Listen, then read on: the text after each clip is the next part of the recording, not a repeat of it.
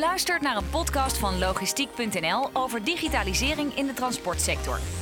Dit panelgesprek werd gehouden tijdens de Summit Ketenregie december 2018. Aan tafel zitten vier experts op dit gebied, die zich elk vanuit een andere invalshoek hebben verdiept in datadelen tussen verladers en vervoerders. Daar valt nog heel veel winst te halen. Maar gemakkelijk is dat niet. Gebrek aan vertrouwen, een lage digitaliseringsgraad en tarieven die de transportkosten amper afdekken. Succesvolle ketensamenwerking is vaak nog ver weg. Het gesprek staat onder leiding van dagvoorzitter Tom van het Hek, samen met Heres Stad, hoofdredacteur logistiek.nl. Hij pelt de visie van Janneke Nijsing van Smartways, Roderick Rodenburg van Simpel, Sebastian Piest, Universiteit Twente en Nanne Onland van Cargonaut. Onland begint met de vaststelling dat technologisch gezien er volop kansen liggen bij verladers, vervoerders, expediteurs, maar dat die kansen vooralsnog niet worden benut. Technologie is één ding, maar psychologie is een tweede, denk ik. Uh, misschien wel de belangrijkste. Maar inderdaad, de, de uh, digitaliseringsgraad van de gemiddelde logistieke speler, uh, grote partij daar gelaten, er zijn natuurlijk hele grote partijen met hun eigen platformen bezig, is niet hoog. Is niet hoog, nee. Sebastian Wiets, ik zie jou uh, instemmend knikken. Loop jij daar hier ook tegenaan? Is dit een feest van herkenning, wat hier gezegd wordt? Ja, de menselijke aspecten zijn uiteraard heel erg belangrijk. En daar lopen heel veel bedrijven ook in vast. Je, je bent een bepaalde manier van werken gewend. Uh, je hebt een bepaalde zeg maar, technologie set staan. Er komen heel veel dingen op je af. En hoe ga je zeg maar, die kloof dichten? En hoe krijg je ook de mensen daarin mee? Dat is echt wel een heel groot punt.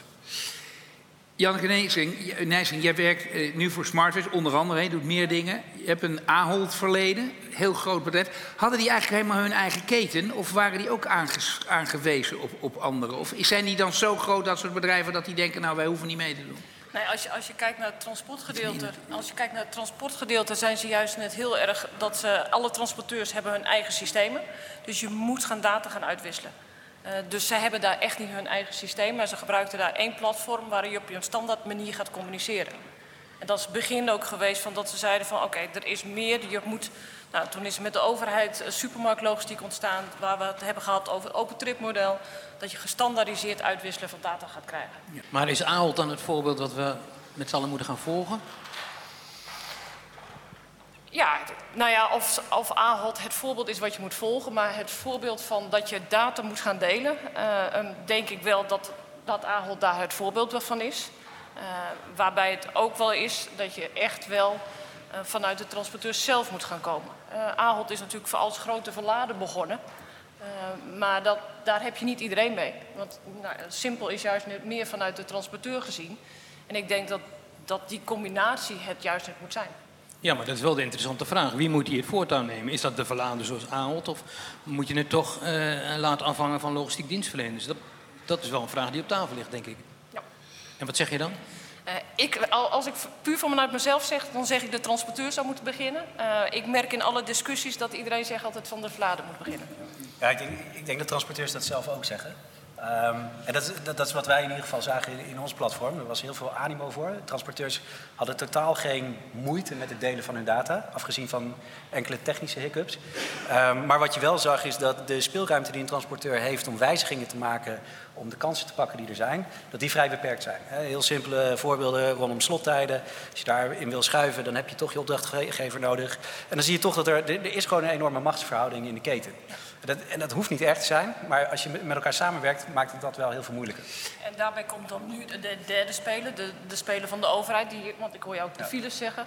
Uh, juist de overheid veel meer van het data beschikbaar stellen van file-data of van wegwerkzaamheden, ja. waardoor je uh, de executie ook weer beter kan doen en ja. gezamenlijk nog beter kan doen. Uh, ik, denk, ik denk overigens wel, als, als, als ik daar ja, nog een klein beetje in mag dat, weet je, data delen is niet dé oplossing. Hè? Nee. Dus je kunt alle data op één hoop gooien en dan hopen dat we daar iets fantastisch uit kunnen destilleren. Maar ik denk, daar geloof ik eigenlijk niet in. Wat veel belangrijker is, dat je een bepaalde feedback loop creëert. Dus op het moment dat je ziet dat er bepaalde uh, potentie zit in een samenwerking, moet uiteindelijk iedereen weer in zijn eigen processen die uh, potentie gaan, gaan waarmaken. Um, en, en, niet in, een, in één gedeeld systeem. Zo vaak wordt dat nog wel verward, maar dat hoeft niet. Is datadelen het probleem niet? Of, of, of oh. is data tot een bepaalde hoogte delen het probleem Ja, het is niet gestandardiseerd. Uh, maar, maar ik denk dat we met z'n allen in, in NLP en iShare bezig zijn om, om uh, nu een moeilijk woord, federatief met elkaar samen te werken en die data, uh, afsprakenstelsels, uh, om die beter op elkaar te laten aansluiten. Hè? Want de realiteit is natuurlijk wel dat de ECMR, dus de digitale vrachtwagenbrief, nog niet praat met de digitale luchtvaartbrief. Waarom? Het zijn allebei documenten en het denkt niet in data. Dus als je daar afspraken over gaat maken en aan de hand van uh, use cases uh, dat langzamerhand de toegevoegde waarde daarvan aantoont, dan komen we er wel, maar ook de data is er dus nog niet. Er is een, een, nog steeds een enorme Babylonische spraakverwarring, maar die is wel oplosbaar. Jij noemt dat de digitaliseringsgraad laag is, maar ik denk dat die vooral ook nog heel ouderwets is. De, de marktleiders op TMS, WMS, FMS gebied, die systemen zijn allemaal ouder dan 20 jaar. Of althans de, de, de fundamenten van die technologie. En, en het voorbeeld wat jij noemt, daar, daar, die hebben wij ook meegemaakt. Uiteindelijk is dat allemaal oplosbaar. Je kunt met alles koppelen. Maar wat je wel doet, wat je vaak ziet bij wat oudere systemen, is dat die ook gebaseerd zijn op een verdienmodel, um, wat, wat opeens wankel wordt. Op het moment dat je data real-time gaat ontsluiten, ja, dan krijg je andere type apps die je daaraan kan koppelen. En, en ja, daar, uh, een stukje maatwerk verdwijnt. En dat, dat is toch vaak een basis voor uh, sommige softwareleveranciers om, uh, om op te acteren. Ik hoor het woord digitaliseren en dan denk ik nou zo bijna een ouderwets woord. Uh, het gaat over artificial intelligence. Dus in, in, wat voor tijdbestek kun je iets zeggen over dat dat helemaal de wereld al, al veroverd heeft, maar in ieder geval zich zal doorontwikkelen? Ja, artificial intelligence is heel groot. Het is ook niet beperkt tot één type technologie. Ik zie het meer als een, een stroming, een ontwikkelrichting, waar, waarbij eigenlijk technologisch nieuwe dingen mogelijk worden. Als je het heel nauw bekijkt, dan heb je al een heel aantal slimme toepassingen gewoon in de praktijk. Kijk naar Amazon, uh, kijk naar Alibaba, die hebben robots uh, rondrijden die autonoom met elkaar uh, schakelen. Um, maar als je echt AI op volledige schaal gaat plaatsen, waarbij het dus daadwerkelijk autonoom, zelfstandig kan gaan redeneren, nadenken, delen van de hele keten kan gaan overnemen. Ja, dat, daar hebben we nog wel even voor nodig om maar dat, wat is uh, even? te komen. Want ik hoor geen tijd, een beetje tijd. Nu hoor ik weer even. Wat, wat is even? Nou, even. Uh, in Azië is, uh, worden de eerste volledig uh, zeg maar, autonome warehouses al zeg maar, in bedrijf genomen. Heel even dus. Ja, heel even inderdaad. Albert Heijn bijvoorbeeld is daar ook heel ver mee. Uh, dus de grote spelers met name. Uh, ja, de grote vraag die wij ons stellen is van hoe krijgen we ook het midden en mogelijk ook het kleinbedrijf daarin mee. Tenminste wat ik terugkrijg is dat AI is heel erg uh, wollig, heel groot, heel complex.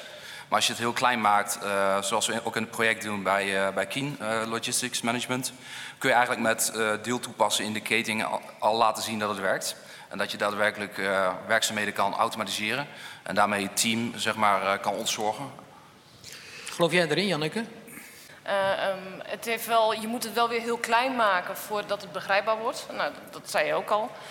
Um, aan de andere kant wil je het laten zien hoe het is, dan moet je het ook weer heel groot maken. Dus dat lijkt me ook wel een hele lastige dilemma erin. Maar ik geloof er zeker in. Nog even, jij zit bij Smartways. Jullie proberen dat wij met z'n allen slimmer de weg overgaan, dat probleem. Maar ook, jij zegt ook, de overheid gaat heel veel data delen en real data delen over wegen en alles. En dat gaat ons ook ontzettend helpen.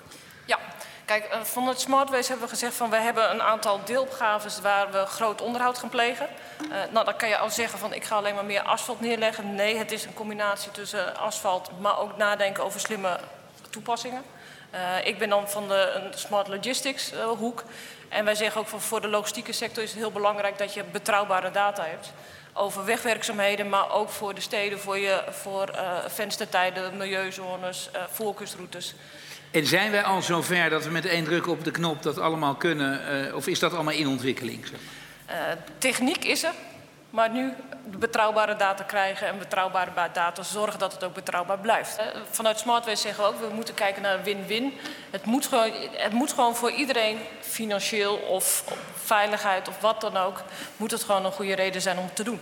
Dus het gaat veel meer om de win-win. En als je dat de financiële prikkel is, ja, dan klopt het. Ja, maar jij zegt belonen, bij wijze van spreken, van mensen die het goed doen. Zo vertaal ik hem dan maar even. Is, is, dat, is dat een manier om dit geheel op gang te brengen, Janneke, wat jou nee, betreft? Nee, het is niet geforceerd belonen. Het is veel meer samen kijken naar een nieuw verdienmodel. Ja, maar dat doen we al een tijdje, dat, dat, dat samen kijken. En dat hebben we nou een middagje voor, omdat het niet zo lekker gaat. Dus na vanmiddag is het gewoon doen.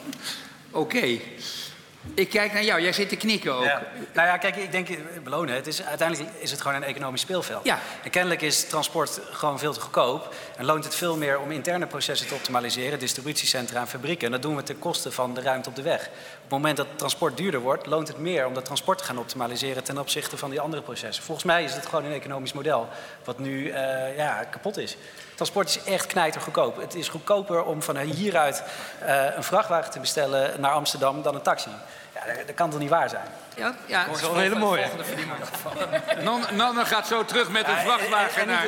Nou ja, er zitten hier transporteurs. die niet wou met een taxi, maar hij gaat nu met een vrachtwagen terug. Zo. Nou ja, dan kunnen we, wel- dat passen we met z'n allen in. Nee, maar het is, het is En het kost een derde van de Ik taxi. denk dat dit al de zin is die bij iedereen blijft hangen. Dus dit is sowieso al prachtig. Maar wat zie jij als oplossing dan? Ik, ik denk echt dat we ons niet realiseren dat transport zo goedkoop is. Uiteindelijk, weet je, ik geloof nooit heel erg in de rol van de overheid. Maar ik denk in deze toch wel dat we ergens moeten zorgen dat het minder loont om eh, leeg terug te rijden. eh, dan, dan vol. Eh, diesel is goedkoper dan tijd. Dus op het moment dat je, dat als je sneller leeg terug kan en dan een retourlading kan pakken, dat je altijd dat blijft doen. Maar die ruimte die hebben we gewoon als BV Nederland hebben die niet meer op de weg. En die maatschappelijke impact die vertaalt zich niet direct terug naar de personen die dat transport aansturen. En er is er dus maar één die dat kan veranderen en dat is de overheid. Ja, ik denk dat die daar wel een rol in heeft. Eh, ja.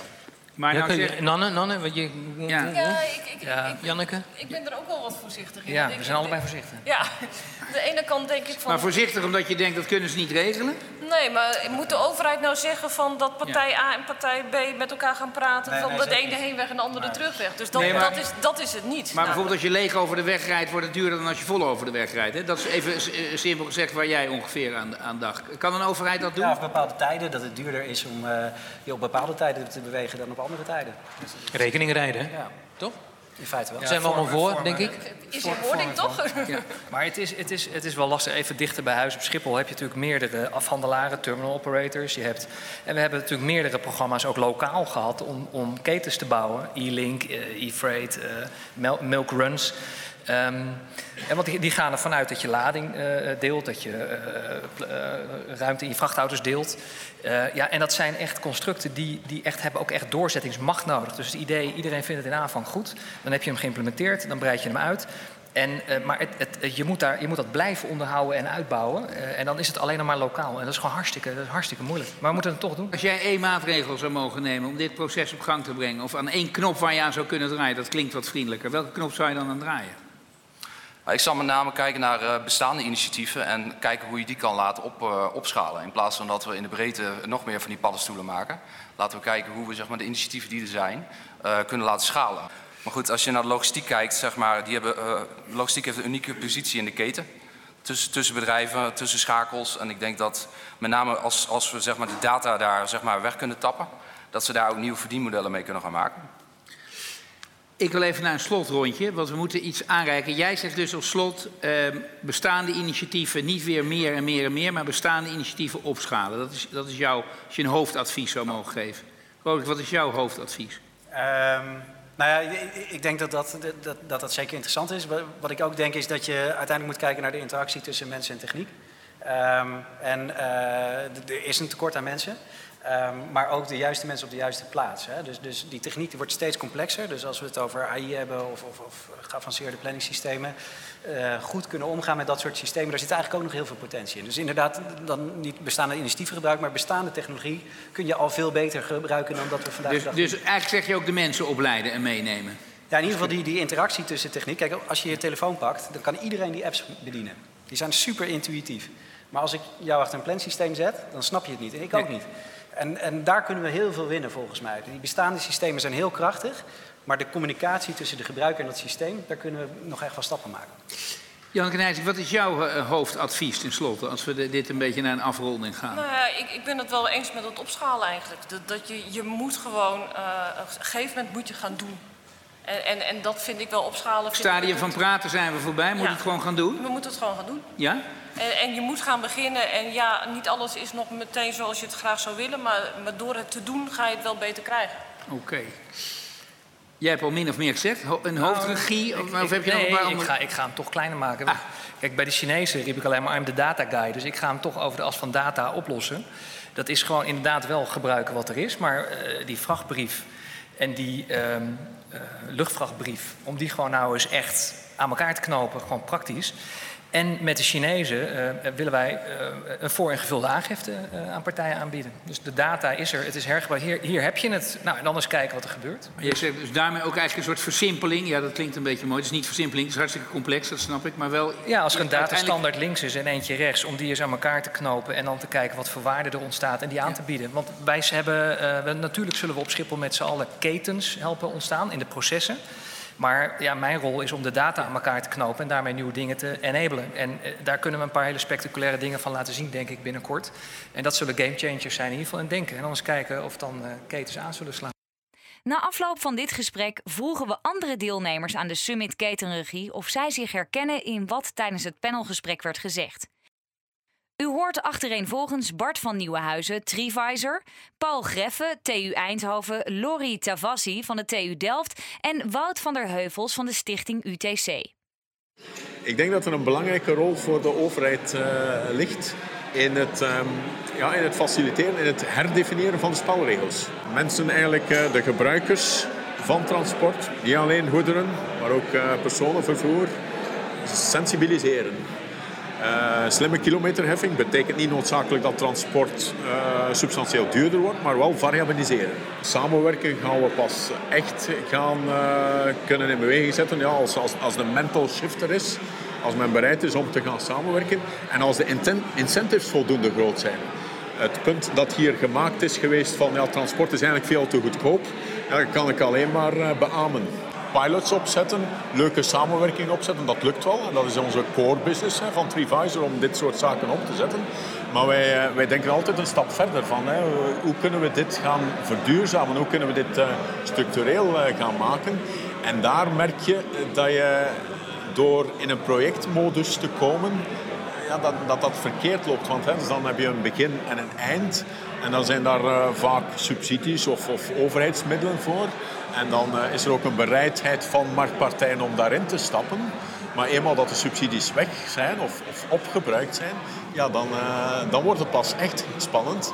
Uh, merendeel van de verladers, daar krijgen we de reactie van wow, het valt wel mee. we krijgen nog altijd wel interessante prijzen. En inderdaad, die organiseren ieder jaar een, een tender. En ieder jaar opnieuw uh, kunnen ze eigenlijk uh, hun prijs uh, op niveau houden. Dus daar, daar gebeurt eigenlijk nog te weinig. Dus door nog meer capaciteitsproblemen. En dan gaat het over chauffeurs die niet meer gevonden worden. De transportsector die zegt van we rijden ons vast. we worden geconfronteerd met files. je gaat ons meer moeten betalen. Begint dat wel wat, wat, wat te dagen, maar onvoldoende. Zowel in de, in de inleiding als in de discussie aan, aan mijn tafel werd heel duidelijk gesteld dat transport goedkoop is. onder andere de opmerking dat een vrachtwagen van Enschede naar Amsterdam goedkoper is dan een taxi van Enschede naar Amsterdam. Hoewel de kosten waarschijnlijk veel, veel hoger zijn. Dus dat betekent dat waar je innovatie probeert te doen in de logistieke wereld, ja, een wereld doet waar heel kleine prijsmarges zijn. En is ook heel weinig financiële mogelijkheden om echte innovatiestappen te maken. Wat je eraan kunt gaan doen is in de communities, dan praat je over de verladers, dan praat je over de transporteurs, dan praat je over de planners, over de 4PL's en 3PL's. Samen gaan kijken welke waardeconstellatie je krijgt en waarom je gezamenlijk zou kunnen samenwerken. En wat de meerwaarde is van die samenwerking in contrast met, met een economie waarbij alles op de, op de prijs wordt uitgevochten met minimale kwaliteit. Als je kijkt wat er gebeurt uh, in de openmarkten, is het wat, staat alles wat mij betreft nog in de kinderschoenen. Er wordt een klein beetje data uitgewisseld, maar men is heel erg bang voor concurrentie. Er is een hele grote angst om data te delen. En daar waar data gedeeld wordt, is het vaak heel bazaal, omdat niemand afspraken maakt over wat die data betekent. Wat we ook gezien hebben, in wat, wat, kleiner onderzoek uh, met, met een hele goede student, is dat op het moment dat je die data op de juiste manier gaat delen, dat je in feite heel veel bottlenecks uit het transport kunt wegnemen. En daar bijvoorbeeld dan kunt gaan nadenken over modal shifts. En daarmee vaak een kostenbesparing kunt, realiseren van 80 of 90 procent. Maar dan moet je de zaak wel goed gaan regelen. Dat betekent dat je over de processen van je logistiek moet gaan nadenken. En niet puur alleen over het fysieke transport. Om die, om die spanning te verminderen uh, tussen aan de ene kant congestie, toenemende congestie... en aan de andere kant een veeleisende consument... denk ik dat we de flexibiliteit op moeten zoeken in het hele proces. De, de ruimte. En informatie is volgens mij daar essentieel. Dus met meer uh, betere, gerichte informatie over eh, verkeer bijvoorbeeld over verwachte aankomsttijden van containers, van voertuigen eh, of openingstijden te verruimen. Ik denk dat dat de sector heel veel lucht kan geven in een tijd waarin de consument steeds hogere eisen stelt. Ik denk dat het een markt is. Ik denk dat data waarde heeft, omdat informatie waarde heeft. En het enige wat we nog niet goed doorhebben is hoe we van data informatie kunnen maken. En op dat moment, als we dat doorhebben, dan krijgt data ook een waarde. En uh, de eerste stap is om te begrijpen waar de waarde van informatie zit in het proces. En dan komt die data er vanzelf wel achteraan. Dus hoeven niet lang te praten over vertrouwen, over delen, over uitwisseling. Dat hoeft niet allemaal openbaar, transparant te zijn. Dat komt vanzelf goed. Maar het begint bij het snappen van de waarde van informatie in het logistieke proces. En dan bedoel ik niet blockchain.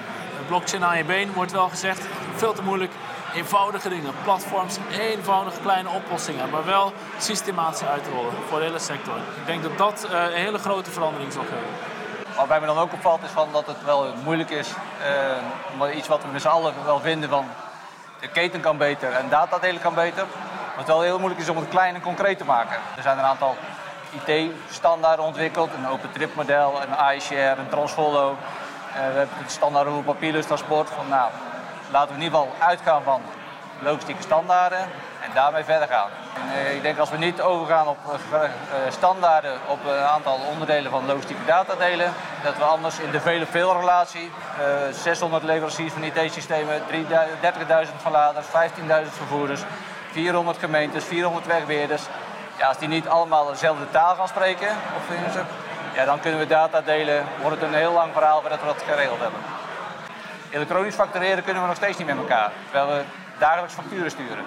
Ja, eigenlijk neemt iedereen het initiatief wel. Dat kunnen de verladers zijn, dat kunnen ook de logistiek dienstverleners zijn. Gelukkig zien wij steeds meer logistieke bedrijven die daar gewoon zelf mee naar de verlader gaan. Wat kunnen we het niet anders gaan organiseren? Kunnen we niet meer en sneller met elkaar data delen?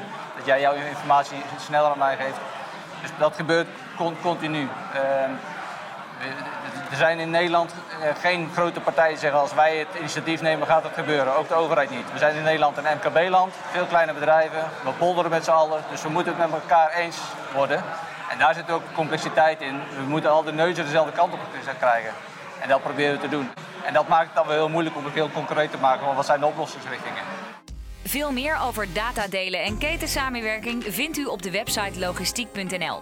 Daarop ook een online magazine over dit onderwerp waar deze interviews zijn terug te zien. Verder ruim aandacht voor recent ontwikkelde standaarden rond dataoverdracht en bemoedigende ervaringen vanuit de praktijk, onder meer uit diverse pilots op dit gebied.